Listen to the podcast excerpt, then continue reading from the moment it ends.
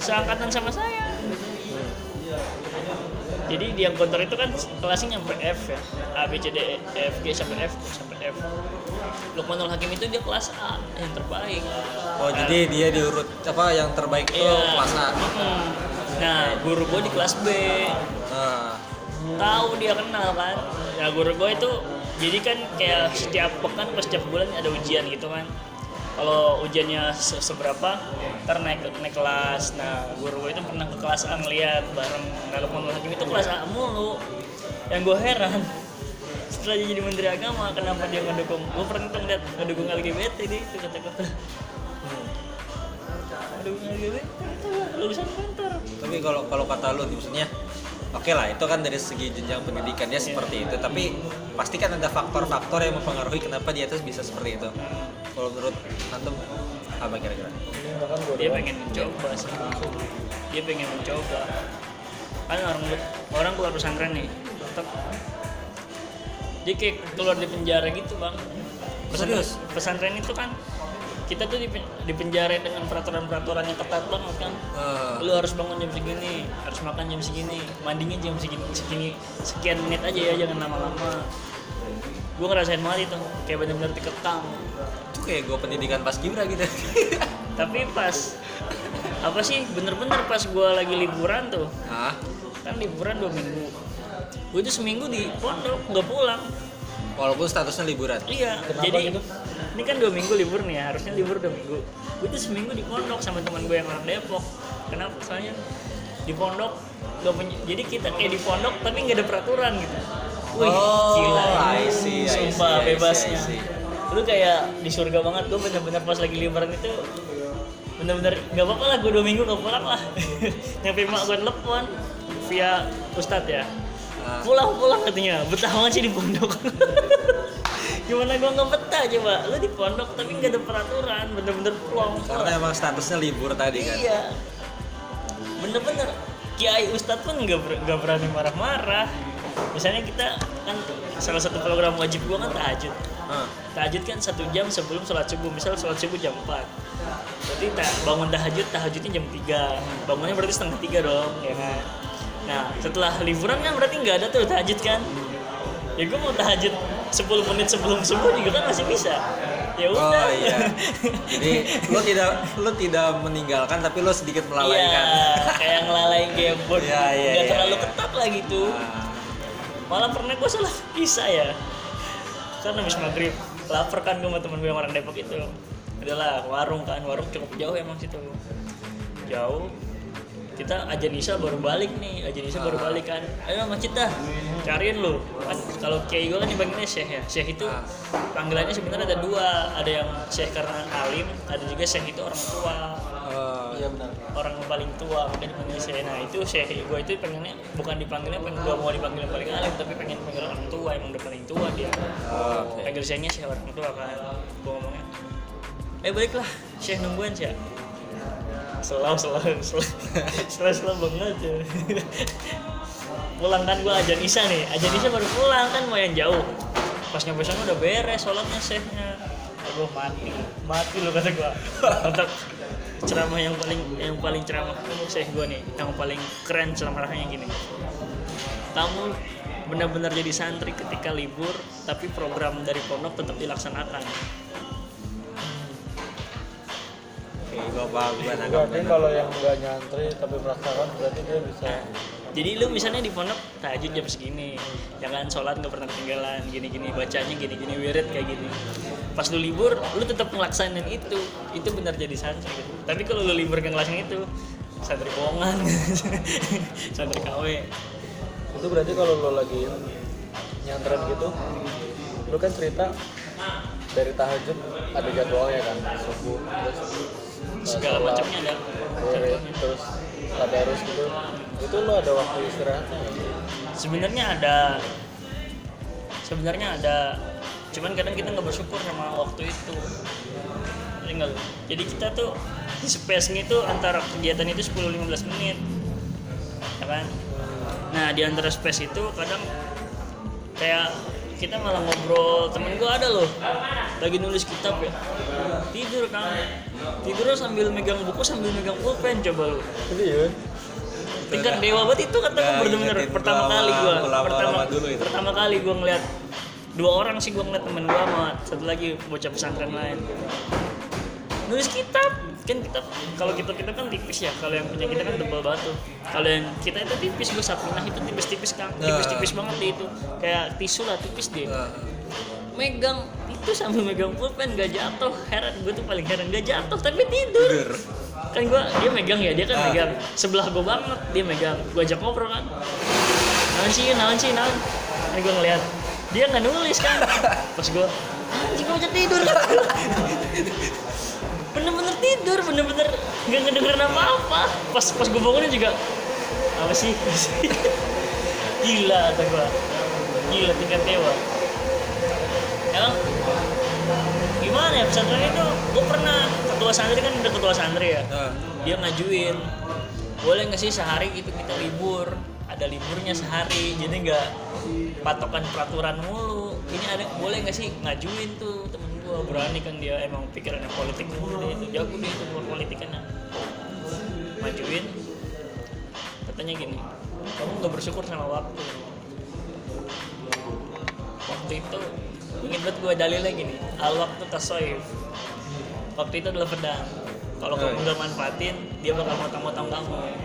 Ya kan ya manfaatin aja semangat-manfaatnya kan?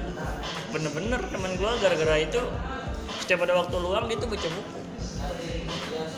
Meskipun ada waktu luang buat main bola nih main bola itu salah satu kenikmatan yang terduga loh di pesantren beneran. Lu di pesantren Iya. nih ada waktu space panjang misalnya dua Ah. jam nggak ngapa-ngapain. Itu pasti main bola. Nah pas main bola itu senengnya gila. Gue sering lihat sih gue sering main ke itu kan ke Asriania itu kan pesantren gue lihat orang-orang main bola pakai sarung tuh kayaknya bener-bener merdeka banget itu seneng banget senengnya beda nggak kayak kita main futsal di sini Iya, beda iya. banget senengnya Kerasa itu. bener-bener. Woi woi lu mau ngapain aja bebas kayak semua peraturan-peraturan beban-beban hidup pesantren tuh nggak ada sama sekali sama peluit wasit nggak berhenti tapi sama azan maghrib berhenti Iya. Justru itu waktu habisnya itu. kalau gua enggak kan kalau gua waktu habisnya wakiah kalau gua di situ ada sebelum maghrib itu wakiah oh, baca wakiah empat kali. Empat kali wakiah jam setengah enam. Jam setengah enam wakiah woi wakiah wakiah woi. Woi wakiah woi. Yang anehnya lagi nih kalau wakiah pertama habis wakiah pertama udah habis nih selesai. Ya sampai bismillahirrahmanirrahim kan habis tuh. Lanjut ke wakiah kedua kan. Kalau lu belum datang pas wakiah kedua itu berdiri lu. Berdiri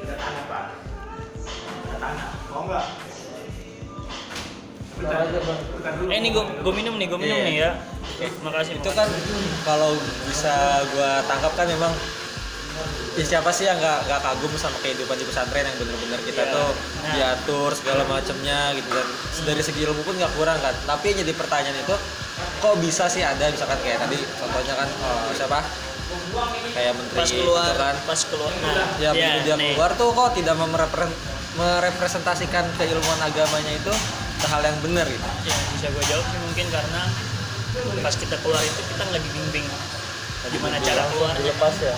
gimana cara keluar? Jadi kayak kita lu hidup di hutan nih kayak tarjananya kita hidup di hutan. Tiba-tiba dilepas pas dilepas lu nggak dibimbing sama siapa-siapa. Lu bebas. Lu udah bebas gitu. Oh, gue udah ngasih peraturan agama kayak gini semua lu tinggal ngikutin peraturan ini udah bebas gak usah ada Ah. peraturan dari pesantren kan nah yang jadi masalahnya ah, setiap dari anak-anak pondok nih termasuk gua ya itu tuh haus akan mencoba ya haus akan mencoba kita belum pernah kayak gini nih mau nyobain kita nggak pernah kayak nah emang kalau pondok itu mungkin yang gue bisa dapet nih temen gue itu yang tadi ahli politik itu yang gue bilang ah. dia itu sempet jadi ateis Betul. Dia kan kuliah di Bandung nih. Hah? dia sempet jadi ateis seminggu. Setelah keluar dari pesantren iya. itu? Sempet jadi ateis. Oke oke. Kata dia kenapa? Soalnya ilmu yang di pondok itu gak kepake sama sekali kata dia pas gue baca buku ini. Buku ini ilmu di pondok itu nggak bisa ngelawan buku ini apa yang dipernyatakan ini. Dia sholat tapi nggak baca apa-apa kata gue lu ngapain sholat? Aja nggak sah kata gue sholat gak ada cuma formalitas doang. Allah akbar. Udah nggak baca apa-apaan. Allah akbar ruku gitu doang kata gue Karena efek dari baca buku tadi. iya. Jadi kalau kata guru kalau kata emang mantep banget sih ini kata temen gua. Gini kata temen gua nih. Yang orang Bogor. Yang orang sekarang lagi mondok lagi dia. Banyak iman banyak iman. Tapi sedikit ilmu fanatik. Ah, ah. Tapi sedikit iman. Banyak ilmu munafik. Gimana? Sorry ulang? banyak iman. Banyak iman sedikit ilmu fanatik. Sedikit iman banyak ilmu munafik. Gue mikir meskipun kadang-kadang gini gue kadang mikirin juga kenapa bisa dipanggil sih fanatik? Kenapa bisa dipanggil munafik kan bisa dikatakan benar sih orang kalau banyak ilmunya nih. Ya kan? Ilmunya misalnya banyak tapi imannya sedikit ya bisa jadi munafik. Dia tak kayak manfaatin jadi kayak manfaatin keislaman dia manfaatin keilmuan dia tapi dia nggak tahu kalau Islam itu udah benar. Jadi cuma sebagai alat doang. iya. Kayak yang tadi lu kasih contoh itu. Temen gue bisa jadi begitu. Yang gue bilang fanatik itu juga kan kalau dia udah bener-bener ya berilmu nih.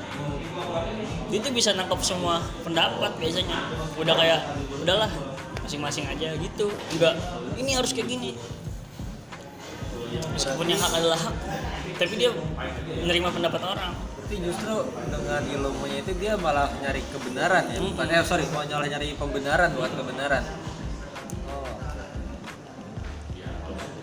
Itu temen gue dari kitab katanya dia. Itu kata-kata Eh, kata-katanya dari kitab bukan mulir dari dia bukan. Bukan murni dari gua ini sayang- ngeliat dari kitab.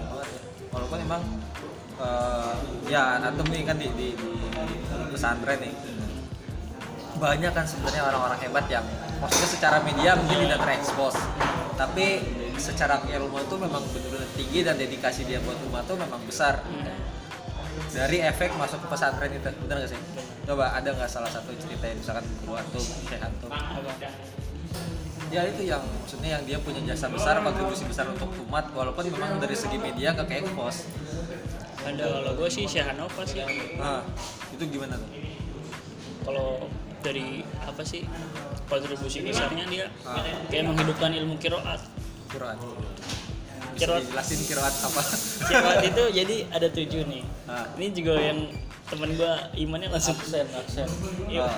Gua temen temen iman gue eh iman gue eh teman iman gue sampai ini Ah. gue punya teman dia imannya nyampe gue ya gara-gara kiroat kayak gini masalahnya kiroat gini kan kan turun nih Al-Quran ya Hmm. Tek, Rasulullah bacain dong kan sahabat banyak tuh Ah. masalahnya yang denger itu kan gak mungkin semua sahabat dong. Iya, iya. pasti sahabat denger denger denger kan denger denger. Sahabat ini dengernya gini sahabat ini dengernya ini. Nah itulah muncul pertama kiroat bang.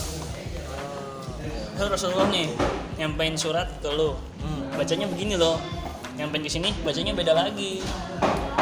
Nah itu kiroat kiroat gitu. dengan makom apa bedanya? Kalau makom mah kelas dia. Makom makom mah kelas level dia. oh, oke. Berarti beda berarti ya? Hmm, lu makom. Soalnya zaman dulu itu kan di Mekah itu kan emang tempat ibadah orang-orang Arab kan. Maksudnya dari segala penjuru Arab yang bahasanya tuh beda-beda. Terus di Arab tuh ya jadi kayak bahasanya tuh nyampur-nyampur. pelafasan juga sama jadi kalau kita misal orang Jawa kan nggak bisa ngomong apa sih hak apa gitu ya aksen Heeh. Iya. ada tadi dari aksen Iya. Iya kayak semacam aksen. ah oke. Oh, oke oke. Kalau orang Turki nggak bisa ngomong kayak gini nggak bisa ngomong- nah itulah kiroat bang oh oke supaya memudahkan.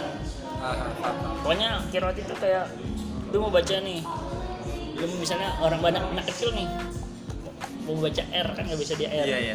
Gimana caranya supaya nggak ada R-nya gitu. Nah itu kiroat tuh diubah tapi nggak ubah makna. Gue pernah dengar tuh ada yang surat Toha terus dia baca itu tehe gitu. ada wat duha wat duhe ada Iya, gitu. wat duhe. Itu kiroat Tadi nah Syekh Hanova yang di Bandung. Nah, dia tuh ngidupin kiroat itu. Orang-orang yang gak pernah gak pernah tahu. Sampai kayak gue nggak tahu dia tahu gara-gara itu Syekh tapi dia nggak ter, nggak pernah terekspos. Bahkan kalau sama Ustadz Adi sama Ustadz Adi kalau kata gue Ustadz Adi tuh jarang ngomongin itu ya? kiroat. Jarang Ustadz Adi tuh Ustadz Adi tuh sering ngomonginnya tuh dia arti daripada huruf oh, oke misal za Lebih ke tafsir gitu ya. Za kan, Za. Ingat gue pas masih pas pertama kali dia belajar tuh. Oh iya di sini. za za za susah za itu kan alif lam mim pertama kan alif lam kan gampang hurufnya bibir semua tuh Iya. alif lam sama mim bibir semua setelah alif lam mim apa za, Za. rada susah sedikit Iya, ya setelah iya, gampang iya, iya. susah dikit lah naik Ah, level iya. nah itu Ustaz Adi tapi kalau saya nopang enggak dia pokoknya kiroat yang di apa sih khususnya itu berat titik beratnya itu mengajarnya di kiroat spesialis. Eh, misal A, A ngomong A. Kamu A itu semana sih? A A A, O. jadi oh iya. bibirnya semana Iya, ya iya, kan? iya, iya. pelafalan semana? Itu ada saya standar ya saya Hanofa dan itu tuh di pesantren memang ilmu yang kepake banget. Kalau menurut gue sih nggak terlalu kepake cuman kayak apa ya pengen tahu aja supaya tahu Nah. bahwa yang kita yang kita selama ini baca tuh nggak itu doang. Misal lu istilahnya apa ya jadi dia bukan sesuatu yang bukan kompetisi juga sih. Tidak diperhitungkan tapi justru jadi sentral juga iya. Sebenarnya ya kan? Orang itu jadi Al-Quran itu nggak satu doang gitu loh. Kalau gue liat saya apa ya? Di itu Quran banyak loh bang. Beda beda Quran itu kata gue heran gua. Di laptopnya laptop kan Apple apa tuh? Iya. Ini ini Quran kiroat ini. Quran kiroat ini coba lu kalau jadi yang awam. Kok Quran beda beda Iya. soalnya bisa jadi kalau misalkan di daerah Saudi gitu Iya. di beberapa tempat itu kiraatnya beda-beda. Jadi mungkin kalau orang awam ngerti. kontribusinya tuh kayak ngidupin kiroat gitu. Ini loh yang setiap hari lu baca nih ada bacaan cara baca lainnya. Nggak gini doang cara bacanya. Bacanya ada yang cara lain yang kayak gini lebih mudah Jadi memang sebenarnya lulusan dari pesantren ini kita nggak bisa pukul rata. Oh nanti dia lulusnya bakal seperti ini, dia kontribusinya akan seperti ini. Atau misalkan balik ke obrolan di awal, oh kalau misalkan orang-orang yang masuk pesantren itu pasti backgroundnya dari orang yang gini gini gini gini, nggak mesti seperti itu kan. Tetap apa yang dipelajari di pesantren sama nanti setelah kehidupan selepas pesantren pun tergantung orangnya lagi. Ada yang misalkan memang backgroundnya, mohon maaf ya, ada yang buangan gitu kan masuk pesantren tapi bisa aja dia jadi kan setelah itu. Atau ada yang memang dia Pengen tadi sendiri, ya, pengen itu sendiri. kan pengen sendiri tapi setelah keluar malah LGBT diperbolehkan. Apa segala macam diperbolehkan. Biasanya dilepas sendiri Iya. bener-bener dilepas. Kalau kata temen gua eh kata temen gua itu ya kalau dia bukan pesantren dia tuh kayak dia nganggapnya itu pesantren tapi ternyata panti asuhan kang. Oh itu? Temen gua ada. Ah, pas dia keluar itu langsung dicobain semua. Minuman-minuman cobain semua. Soalnya gimana sih kayak anak kecil nih? Nah, iya anak kecil lu udah jangan pernah ke rumah nggak pernah diem baik Iya, gitu iya. kan di rumah. Tiba-tiba keluar kan wah. Dunia luas banget nih. Apalagi kan bocah-bocah begitu bocah-bocah keluar pesantren kan HP itu nggak ngerti. Gue jujur aja pas pas keluar nih pas 3 tahun keluar yang ngeliat HP itu asing bing, banget. iya bingung. Serius teh Facebook iya Facebook gimana? Pertama kali maksudnya Ah. lupa gitu kan lupa. Jadi kayak asing banget iya. udahlah gitu bodo amat bodo amat. Orang udah kan kita kalau begitu kadang nah itu tergantung temennya. Kalau udah keluar itu biasanya lu keluar nih teman-teman rumah lu kayak gitu masih kayak gitu kan. Udah itu gak salah mungkin. Rata-rata kayaknya gitu ya. Heeh.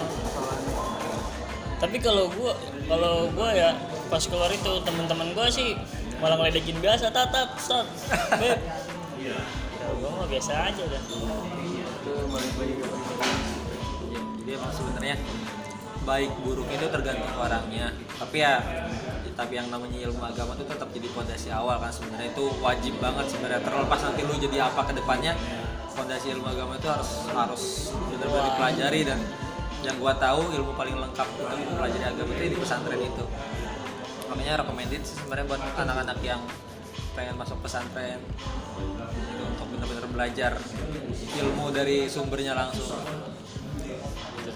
Kadang itu sambung juga apa ya itu tergila-gila sama sanat malah.